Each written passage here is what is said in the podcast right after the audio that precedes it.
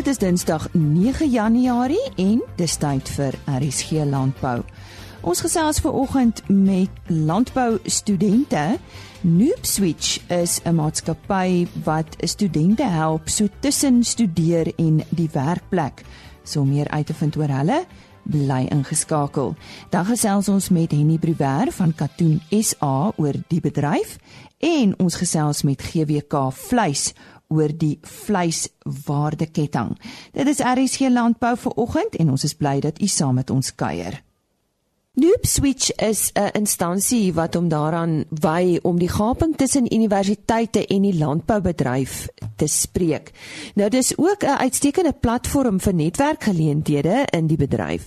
En die besigheidsontwikkelingsbestuurder van Noob Switch, Michelle van der Vyver, vertel ons nou meer. Nou Michelle, ek verneem julle het 'n werkswinkel aangebied in Desember. Wat kan jy ons daaroor vertel? Um, wil ik mensen baie dankie dat ik hier kan gestel. Maar meer te vertellen, so die, ja, die werkswinkel, ons het het um, verschrikkelijk baie geniet. Ons het een great stu uh, groep studenten gehad. En, um, die werkswinkel was in Stellenbosch bij Poorthout Gymnasium. Het was een great venue en ons het dit baie geniet. Bij die werkswinkel het ons dan meestal gefocust op zachte vaardigheden, zowel als om die studenten kans te geven met ongeveer so 20 studenten uit de industrie uit het netwerk. Um, het om eens een beetje idee te gee van wat aangaan in die industrie. Mm. Ja, dit is eintlik wat ons gedoen het. Wat presies behels die sagte vaardighede wat jy vir die studente by werkswinkels leer?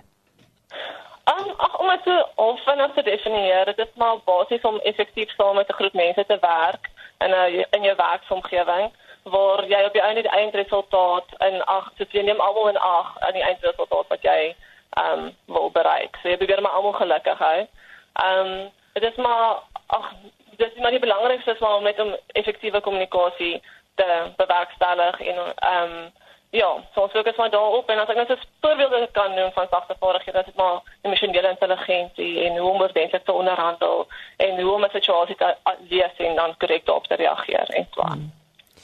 En nou jy het vroeër gesê dat die studente 'n goeie netwerk opbou tydens hierdie week. Ehm um, wat is die voordeel hiervan vir 'n pas gegradueerde student? Ja, so as jy net so op uit die universiteit uitkom, moet jy eintlik ken jy nog nie eintlik mense nie en die die logiese volgende stap is eintlik om 'n werk te soek. En in vandag se tyd is bepaal wie ek ken nogals baie ehm um, die geleenthede wat jy tot jou beskikking het. So as jy daar 'n student 'n goeie netwerk het, is dit meer is meer mense in die industrie outomaties meer bewus van jou en dit kan vir jou ongelooflik baie deure oopmaak as jy dit so doen. En ehm um, as jy 'n netwerk het, kan dit jou help met leiding, ehm um, jy kan 'n mentor kry wat jou kan help. Dit kan deel vorm van jou ondersteuningsraamwerk en ook van jou persoonlike ontwikkeling. Hmm. Nou as jy nou vir studente wat nou hierdie jaar klaar gemaak het met hulle graad kan raad gee, wat sal dit wees? Daar 'n geleentheid is om met mense te praat wat klaar in die industrie is, doen dit. Dit is regtig belangrik. Soos as jy mens ja, hoe meer mense jy ken, hoe beter. Ehm um, want om as jy jou CV instuur by 'n plek as jou gesig bekend is op op die CV, ehm um, dit is klaar baie groter indruk as enige van die ander mense wat dieselfde kwalifikasies as jy het, maar jy hulle nie ken nie. En ja, moenie te veel stres vir die toekoms nie. Ek weet dit is stresvol, ons almal was daar, maar ek persoonlik ondervind kan ek eerlik sê dat goed sal uitwerk soos dit moet. Mm. En ja, werk hard. Ehm um, as ek kry nie erkenning daarvoor nie, ehm um, dit is altyd 'n eienskap of wat tot jou voordeel sal wees en mm. ja, dit is maar die belangrikste op jou einde.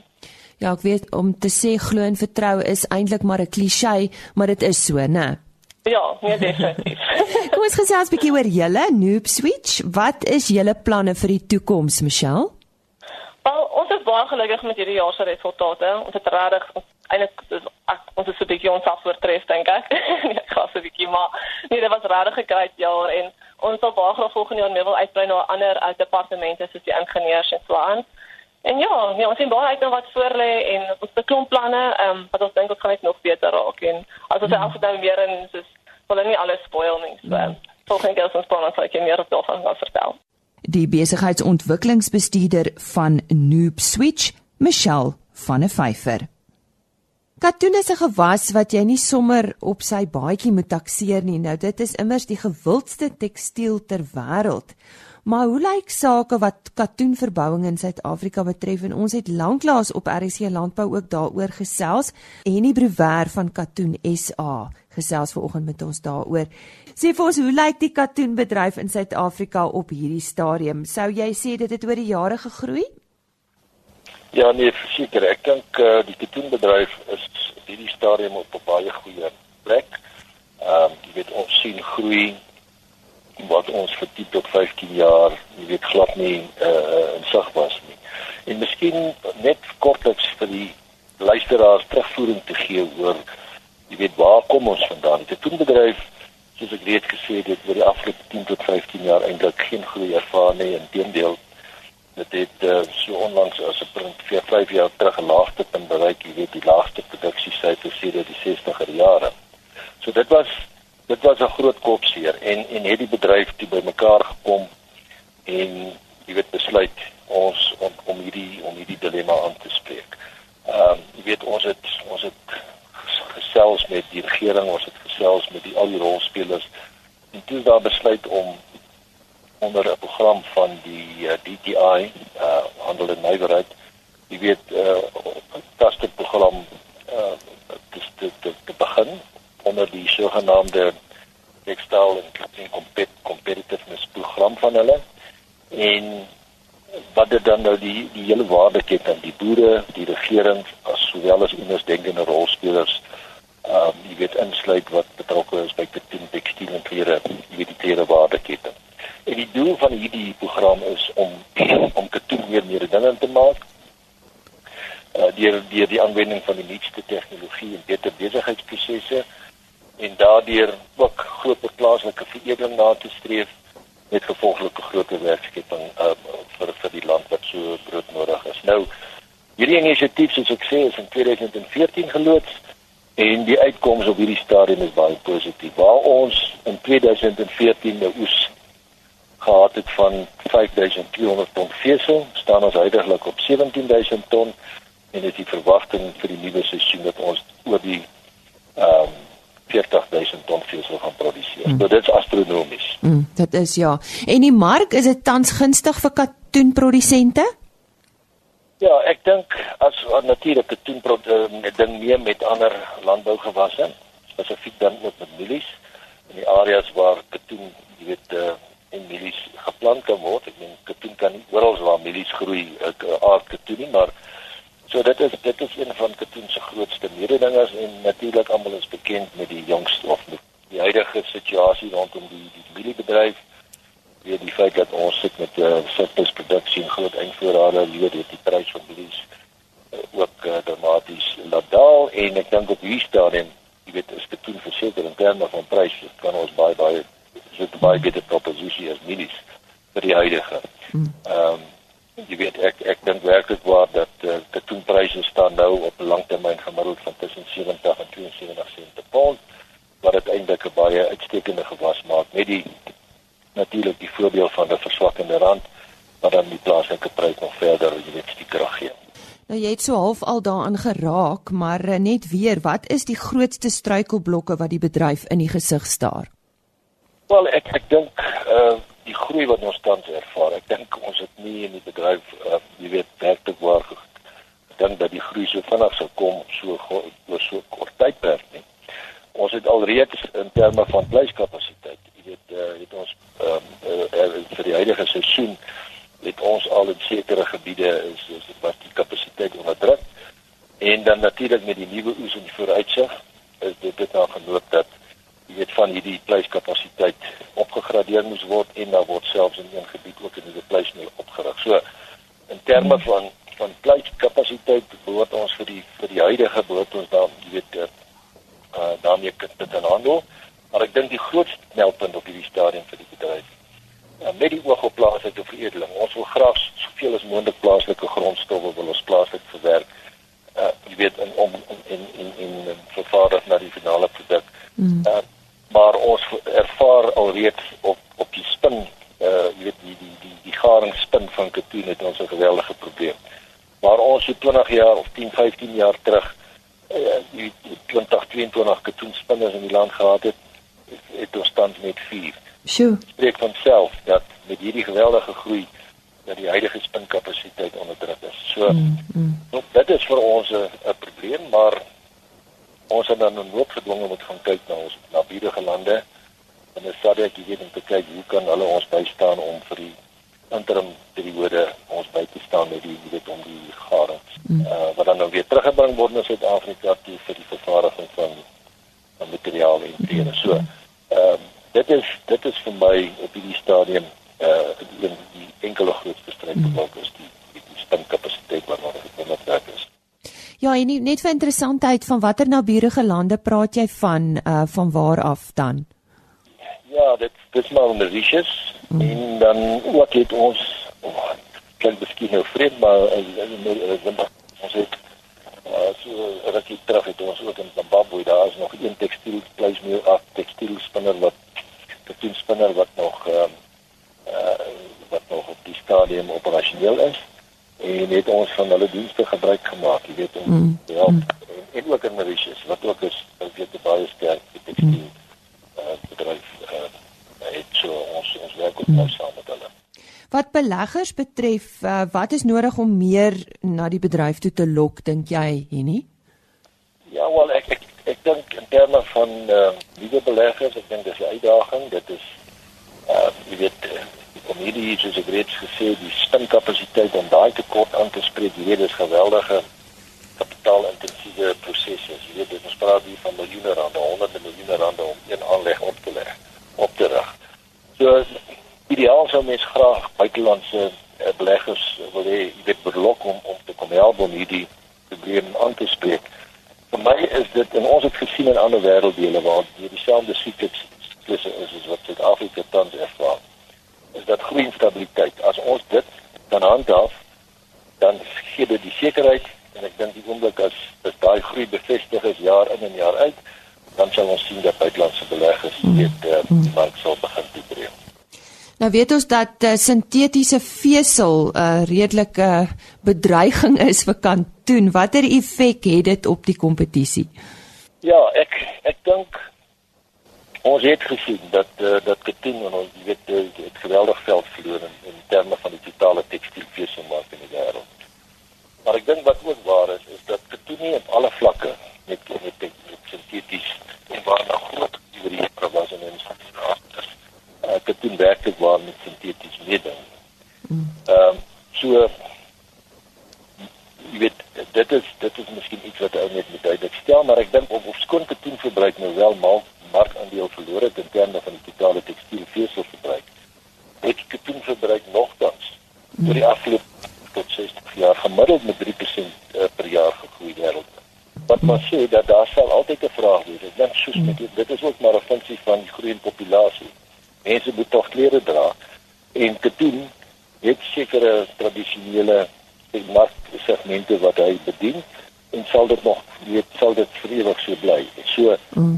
ek dink in terme van daai kompetisie op die tradisionele areas wat katoen die weet spesifiek in klere en huiselike tekstiele ehm um, jy weet uh, waar hulle uh, katoen verbruik word dit sal sinteties nie noodwendig daai markte bom oorneem. Ek dink dis meer in die industriële mark waar ons daar geweldige groei sien. En ek dink die ek dink die ander belangrike ding in Suid-Afrikaanse konteks. Ons het 'n onlangse vraag, is ja, jy weet 'n vraagstudie uh, het ons uh, het ons uh, geloop en dit het onthou dat 60% van alle veselverbruik op kleinhandelsvlak in Suid-Afrika word deur weet is gedoen. En en dit beteken rond dit rolweg 300 000 ton, dit is ekwivalent van 300 000 ton katoen vesel. Nou teenoor die huidige uh, produksie van 17 000 ton en met die verwagting in die nuwe seisoen selfs met die 40 000 ton, daar is ruimte vir vir, vir groot groei nie net wel in Suid-Afrika maar selfs in in in, in die buiteland ook, maar ek dink as ons nou net fokus op Suid-Afrika, is daar geweldige mark daar wat wat dit doen kan bedien en jy weet ehm um, dat ons nog steeds groei kan kan akkommodeer in die jare wat voorlê. Ek het daar gesels met Henny Briwer van Katoen SA.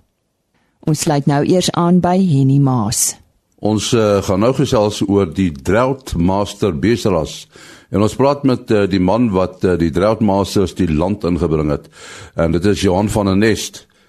Johan, vertel ons die storie. Uh hoe het die uh beeste eintlik hulle voete gevind hier in Suid-Afrika? Man nee, ek het hier in die 90er jare besoek afgelê in Australië en op die uh spesifieke ras afgekom in die baie ariede dele van Australië en uh hulle het my sommer dadelik beïndruk. Wat my veral opgevang het was hulle aanpasbaarheid en vrugbaarheid onder daardie verskriklike toestande wat op daardie staan uh stadium geheers en dit was baie droog geweest. En die diere het nog steeds goed uh, gelyk en die kalvers by die koeie was uh baie goed geweest. En uh die erfdwang van die diere was besonder geweest want jy kon die draadmaster bulle se nageslag sommer dadelik identifiseer uh op die weet uh, kruiskoeie wat hulle gebruik was. Ek was op daai stadium 'n beefmaster teeler en terugkom Suid-Afrika toe en hierdie beefmaster teelers genootskap uh aanbeveel en aansoek gedoen om van die seeman in te voer wat ons ook gedoen het en toe het ek dit begin gebruik op my uh, beefmaster diere. En opgegradeer oor die jare, weet en so het die ras maar tot stand gekom in die land. Die die Draadmaster self, is dit 'n sintetiese ras? Ja, baie interessant. Dit is waarskynlik die eerste sintetiese ras in die wêreld hier in die vroeë 1900s 1900 1900 tussen 1900 en 1905 uh het die boere twee indicus bulle dit was nie brahman bulle nie. Sommer twee indicus bulle wat hulle by die dieretuin van Melbourne uh in die hande gekry het begin te kruis met korthoring en Hereford en Devon diere wat uh in die noorde van Australië was. En uh die nageslag van hierdie bulle het die mense uh baie baie uh opgeval en van die teelers het toe besluit om om om uh, weet 'n teelprogram te begin. En later jare toe die Brahman beeste in die land ingekom het in Australië, het hulle toe Brahman bulle ook gebruik, jy weet, om uh, die ras uit te brei en baie meer teelers het toe by die Draadmaster Genootskap aangesluit. Uh en dit is hoe die ras daar tot stand gekom het. Ja, die naam sê dit eintlik net dit is 'n droogte bestande bees. Ja, wel uh, ek glo nie 'n mens kry 'n droogte bestande bees nie, maar ja, wel hulle is baie baie goed aangepas onder die droër omstandighede in Australië en uh, wat uh, baie beïndruk het op daai stadium is die suiwer Taurus rasse het tropiese degenerasie getoon, weet, en uh, die diere met die indicus invloed het baie beter gedei onder daardie omgewingstoestande as die suiwertaalrasrasse.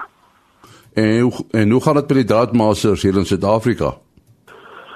Nee, dit gaan op die oomblik met ons baie goed. Uh, ons is baie geseënd. Uh, uh, ons het in Junie 2014 'n genootskap gestig uh, in Namibië uh, as gevolg van sekere redes by uh die registrateur en by stamboek kon ons dit nie hier in Suid-Afrika regkry nie toe ons uh, Namibië toe en daar het die Namibiese stoetelers uh, vereniging of hulle stamboek ons met oop arms ontvang en die genootskap is toe gestig en uh, ons het aangesluit by Breedplan wat dan ook die uh prestasie toetsowerheid is wat wêreldwyd uh, baie rasse se prestasie data verwerk en sedertdien teel ons uh, nogal vooruit hier in die land. Dit gaan baie goed. Ons het oor die 40 teelers in die land en plus minus 8000 aktiewe diere op die boeke. En uh, die belangstelling is ongelooflik, maar wat werklik beïndruk is die uh, nageslag van die draadmaster uh, diere wat ook hier in die mark kom, veral die bulle uh, in die kommersiële kuddes.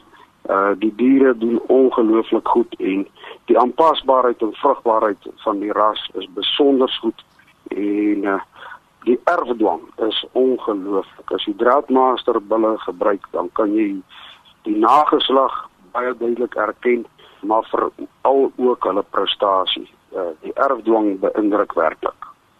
So die uh, toekoms lyk goed. Die toekoms lyk werklik goed en uh, wat baie verblydend is is dat vooraanstaande beesboere en stoetelers by ons genootskap aansluit. Aan en uh, die meeste van ons teelers is bewese teelers ook van ander rasse. En uh, as die manne op uh, 'n bietjie gaan Google by Draadmaster en gaan kyk by Suid-Afrika wie ons lede is daarso, dan sal hulle sien dat dit almal leidende teelers is en uh voor ons kan nou sê voorbeeldboere uh van ander rasse wat ook deel geword het van ons. En dit was dan uh, Johan van der Nest wat gesels het oor die interessante ras, die Droughtmaster. In die vleismark is dit die verbruiker wat eintlik die laaste sê het oor die gehalte van vleis wat op 'n rak moet kom. Nou in die tegnologie revolusie waarin ons staan, is inligting ook soveel makliker bekombaar vir die verbruiker en in die proses word daar al hoe meer druk op die abattoirs geplaas om vleis van 'n bepaalde gehalte aan die markte voorsien. Ek gesels met Alex Celie, hy's hoof van Farm Foods by GWK Vleis. En hy sê die waardeketting van vleis het oor die laaste paar dekades dramaties verander en elke speler in die ketting speel 'n baie groot rol. Ek gesels met hom oor die veranderinge wat in die vleiswaardeketting gesien word. Ja, Alex, stel die moderne verbruiker meer eise aan die rooi vleisbedryf as 20 of 30 jaar gelede. Hoe voel jy? Dis ja, ek dink ek dink dit is om dramaties te verander.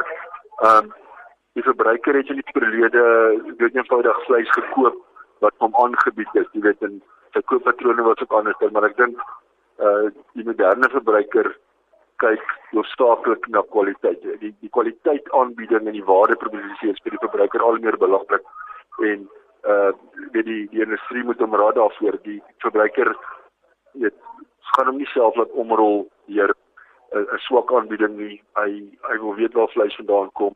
Ehm um, hy het 'n sekere bepaalde vereiste in terme van wat in die wat in die vleis is. Jy weet, is hormone in is daar nie wat is die oorsprong? So daar's 'n klomp vrae wat aan die industrie gestel word deur die moderne verbruiker wat nie noodwendig voorheen daar was nie.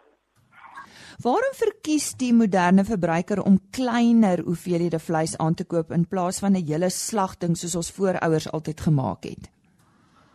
Dis ek dink daar's twee redes. Ek dink die eerste rede is die eenvoudige lewenstyl. Jy weet uh die moderne verbruiker is hoofsaaklik weet stedelik en voorstedelik. So spasie uh verkoelingsspasie, vriespasie is een van die groot kwessies. Ehm um, ja, daar is net nie meer kunsvrieskaste in huise soos met verlede was nie. Want daar is nie eenvoudig nie plek vir dit nie. Ek dink uh en die en die tweede ding is is dat die verbruiker die moderne verbruiker ten opsigte van alle produkte is dit dit gaan oor onmiddellike satisfaksie. So die verbruiker wil besluit hy soek iets nou en dan wil hy beskikbaar hê. Jy dis nie die bereidheid om te soek vir 'n ding en te wag vir 'n ding bestaan nie meer. Die moderne verbruiker soek sy die produk wanneer hy dit wil hê op daai oomblik. En ek dink daai onmiddellike vereiste is een van die groot uitdagings vir die industrie. Ons moet seker maak dat die verbruiker wanneer hy die produk soek, dit vir sy beskikking het. Vleispryse het die afgelope jaar dramaties gestyg en vir die rooi vleisprodusent is dit die ideale mark. Eh, verwag jy dat dit so gaan bly? Dit die die vleisprystendense is nogal interessant al vir die laaste 30 jaar. Vleispryse het die geneigtheid om op 'n uh, plat vlak voort te beweeg vir 'n periode. Met ander woorde, daar's nie 'n konstante inflasionêre groei uh in die pryse nie. Dan ewe skielik dan kom maar regstelling tot op 'n nuwe vlak. So dis as die vleispryse amper so 'n trappies klim. Ehm um, die die die trappie wat ons verlede jaar gesien het was hoofsaaklik en nou sien ons hoofsaaklik as gevolg van 'n uh, laer voorsiening wat natuurlik gunstig vir produsente is. Maar ek dink ook um, as as pryse op 'n nuwe vlak kom en hy stabiliseer daar dan is daar dan sal baie weinig kans weer gaan afkom. So ek dink ehm um, hoër vlakke is maar dit gaan maar daar wees vir die toekoms. Ehm um, dit hang maar net af watter vlak jy is. By die sporige prysverhogings is, kan dit 'n bietjie terugkom, maar dis baie selde dat die prysvlak terugkom tot op 'n vorige vlak, jy weet. Dis net noodwendig dat dit 'n nuwe vlak sou wees. So ek dink produsente is vir die ten minste vir die medium termyn uh redelik verseker van van van van 'n sterk vleisprys. Ons gesels 'n bietjie oor skaapvleis en die verbruiker. Ons is bereid om so 'n bietjie meer daarvoor te betaal. Is dit omdat die vraag groter geword het of uh die aanbod kleiner? Uh wat het met skaapkuddes gebeur die afgelope 50 jaar? Uh verduidelik maar bietjie vir ons. Ehm um, ek ek dink definitief nie die vraag is groter nie. Ek dink die aanbod het definitief verklein. As jy kyk na die nasionale kudde wat deurlopend besig is om te krimp, ehm um, is is die aanbod definitief kleiner. Die die ander belangrike feit is dat skaap toenemend meer in misproduk raak. So dit is definitief jou hoër LS1 verbruiker wat na skaapvleis kyk. Kyk, en sy vereistes is natuurlik ehm um, kan ons sê meer gesofistikeerd. So so oorsprong en kwaliteit en waardeproposisie raak al meer belangrik vir vir sulke verbruikers. En uh en daai vraag is ook onder druk want ehm um, dit erns speel prys tog maar 'n rol vir enige verbruiker. Maar as die waardeproposisie reg is, as die verbruiker kry waarna hy soek, as dit dan sy vereistes voldoen, dan is hy bereid om daarvoor te betaal. En dis daar waar ons moet agslaan op op wat ons doen in die industrie. Ons moet vir die verbruiker gee wat hy wil hê, want dis wanneer hy bereid is om daarvoor te betaal. Alex, maar oor in algemeen hoe die mark verander in die rooi vleisbedryf. Ek dink ek dink een van die belangrikste aspekte om te noem is dat vleis grootendeels meerendeels en toenemend meer in die kleinhandel verkoop word. Dit is maar die kettinggroepe en en en hulle uh winkels wat wat vleis verkoop. Daai persentasies uh, het geskuif in die laaste 20 jaar waar 'n kleiner proporsie, kom ons sê 30% ongeveer die so 10 jaar terug in die kettinggroepe verkoop is, is dit nou rondom 60%. En dit is maar waar verbruikers gaan. So die verbruiker, dit gaan maar oor gemaklik. Hy gaan hy gaan na voorstedelike uh winkel van die kettinggroepe toe en hy wil sy groente en sy skoonmaakmiddels en sy vleis daar koop. Dit gaan maar oor gemak en en die gerief om dit daar te kry en en daai daai komponent van vleisverkope in kleinhandel groei toenemend. Slaghuise en dis mens sal nooit weggaan nie. Dit gaan altyd daar wees, maar maar die vir die persentasie verbruik uh is net besig om te daal.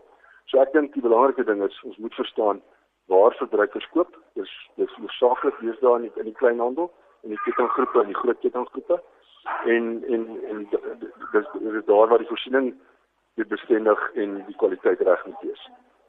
As ons nou kyk na die verskillende rolspelers in die waardeketting, hoe dink jy moet hulle hande vat om die beste voordeel vir elkeen te beding?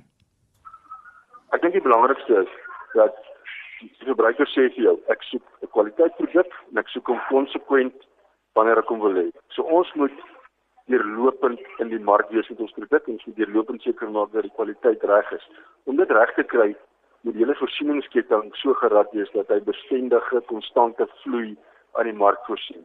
Ons kan nie uh, vir vir 'n periode niks produk op die rak hê nie en dan oorvloed ons weer die mark nie want ek bedoel dit is net wat die verbruiker wil hê. So ons moet seker maak in die voorsieningsketting eerstens dat ons kom ons sê ons boerderypraktyk ons produksiepraktyk reg is om die regte kwaliteit te lewer. Tweedens moet ons die naspeurbaarheid kan verseker deur die ketting en derdens moet ons die kwaliteit en die bestendige vloei kan verseker. So elke in die ketting verstaan wat sy rol in dit kan wees. Die produsent moet kwaliteit kan produseer, die regte kwaliteit kan produseer. Die abattoir moet sy deurvloei so kry dat hy konstant in die mark kan lewer. Hy moet sy naspeurbaarheid in plek hê en hy moet seker dat sy kwaliteitskontroles is in plek om te voorsien aan die en aan die voorkant van die mark moet die verpakkers gerad wees om deurlopend produk op die rak te kry en deurlopend konsekwent kwaliteit te pak. Uh jy weet dit is hoe ons die verbruikers behoeftes voldoen. So ons sal baie beter met mekaar moet kommunikeer in die ketting. Ons sal meer met hande vat, vennootskappe stig sodat ons kan seker maak ons kom by daai punt uit. Nou ja, en so verander dinge heeltyd in landbou. Ek het daar gesels met die hoof van Farm Foods by GWK Vleis Alex Silje. Kom ons kyk wat môreoggend op RSG Landbou uitgesaai sal word. Ons gesels oor mikotoksien analises wat deur die Suider-Afrikaanse Graan Laboratorium gedoen word. Dan gesels Willem Bespier van die Suid-Afrikaanse tafeldruiwe industrie oor die verwagte produksiesyfers en ons praat met die Gamtoos besproeiingsraad oor die goeie werk wat hulle doen om riviere skoon te hou en werk te verskaf. Dit is dan RC Landbou môreoggend. Ons sien uit om saam met u te kuier. Dit is om 05:30 saam met my Lise Roberts en eh, mag die res van u dag net goed wees. Totsiens. RC Landbou is 'n produksie van Plaas Media. Produksieregisseur Henny Maas. Aanbieding Lisa Roberts en inhoudskoördineerder Jolandi Root.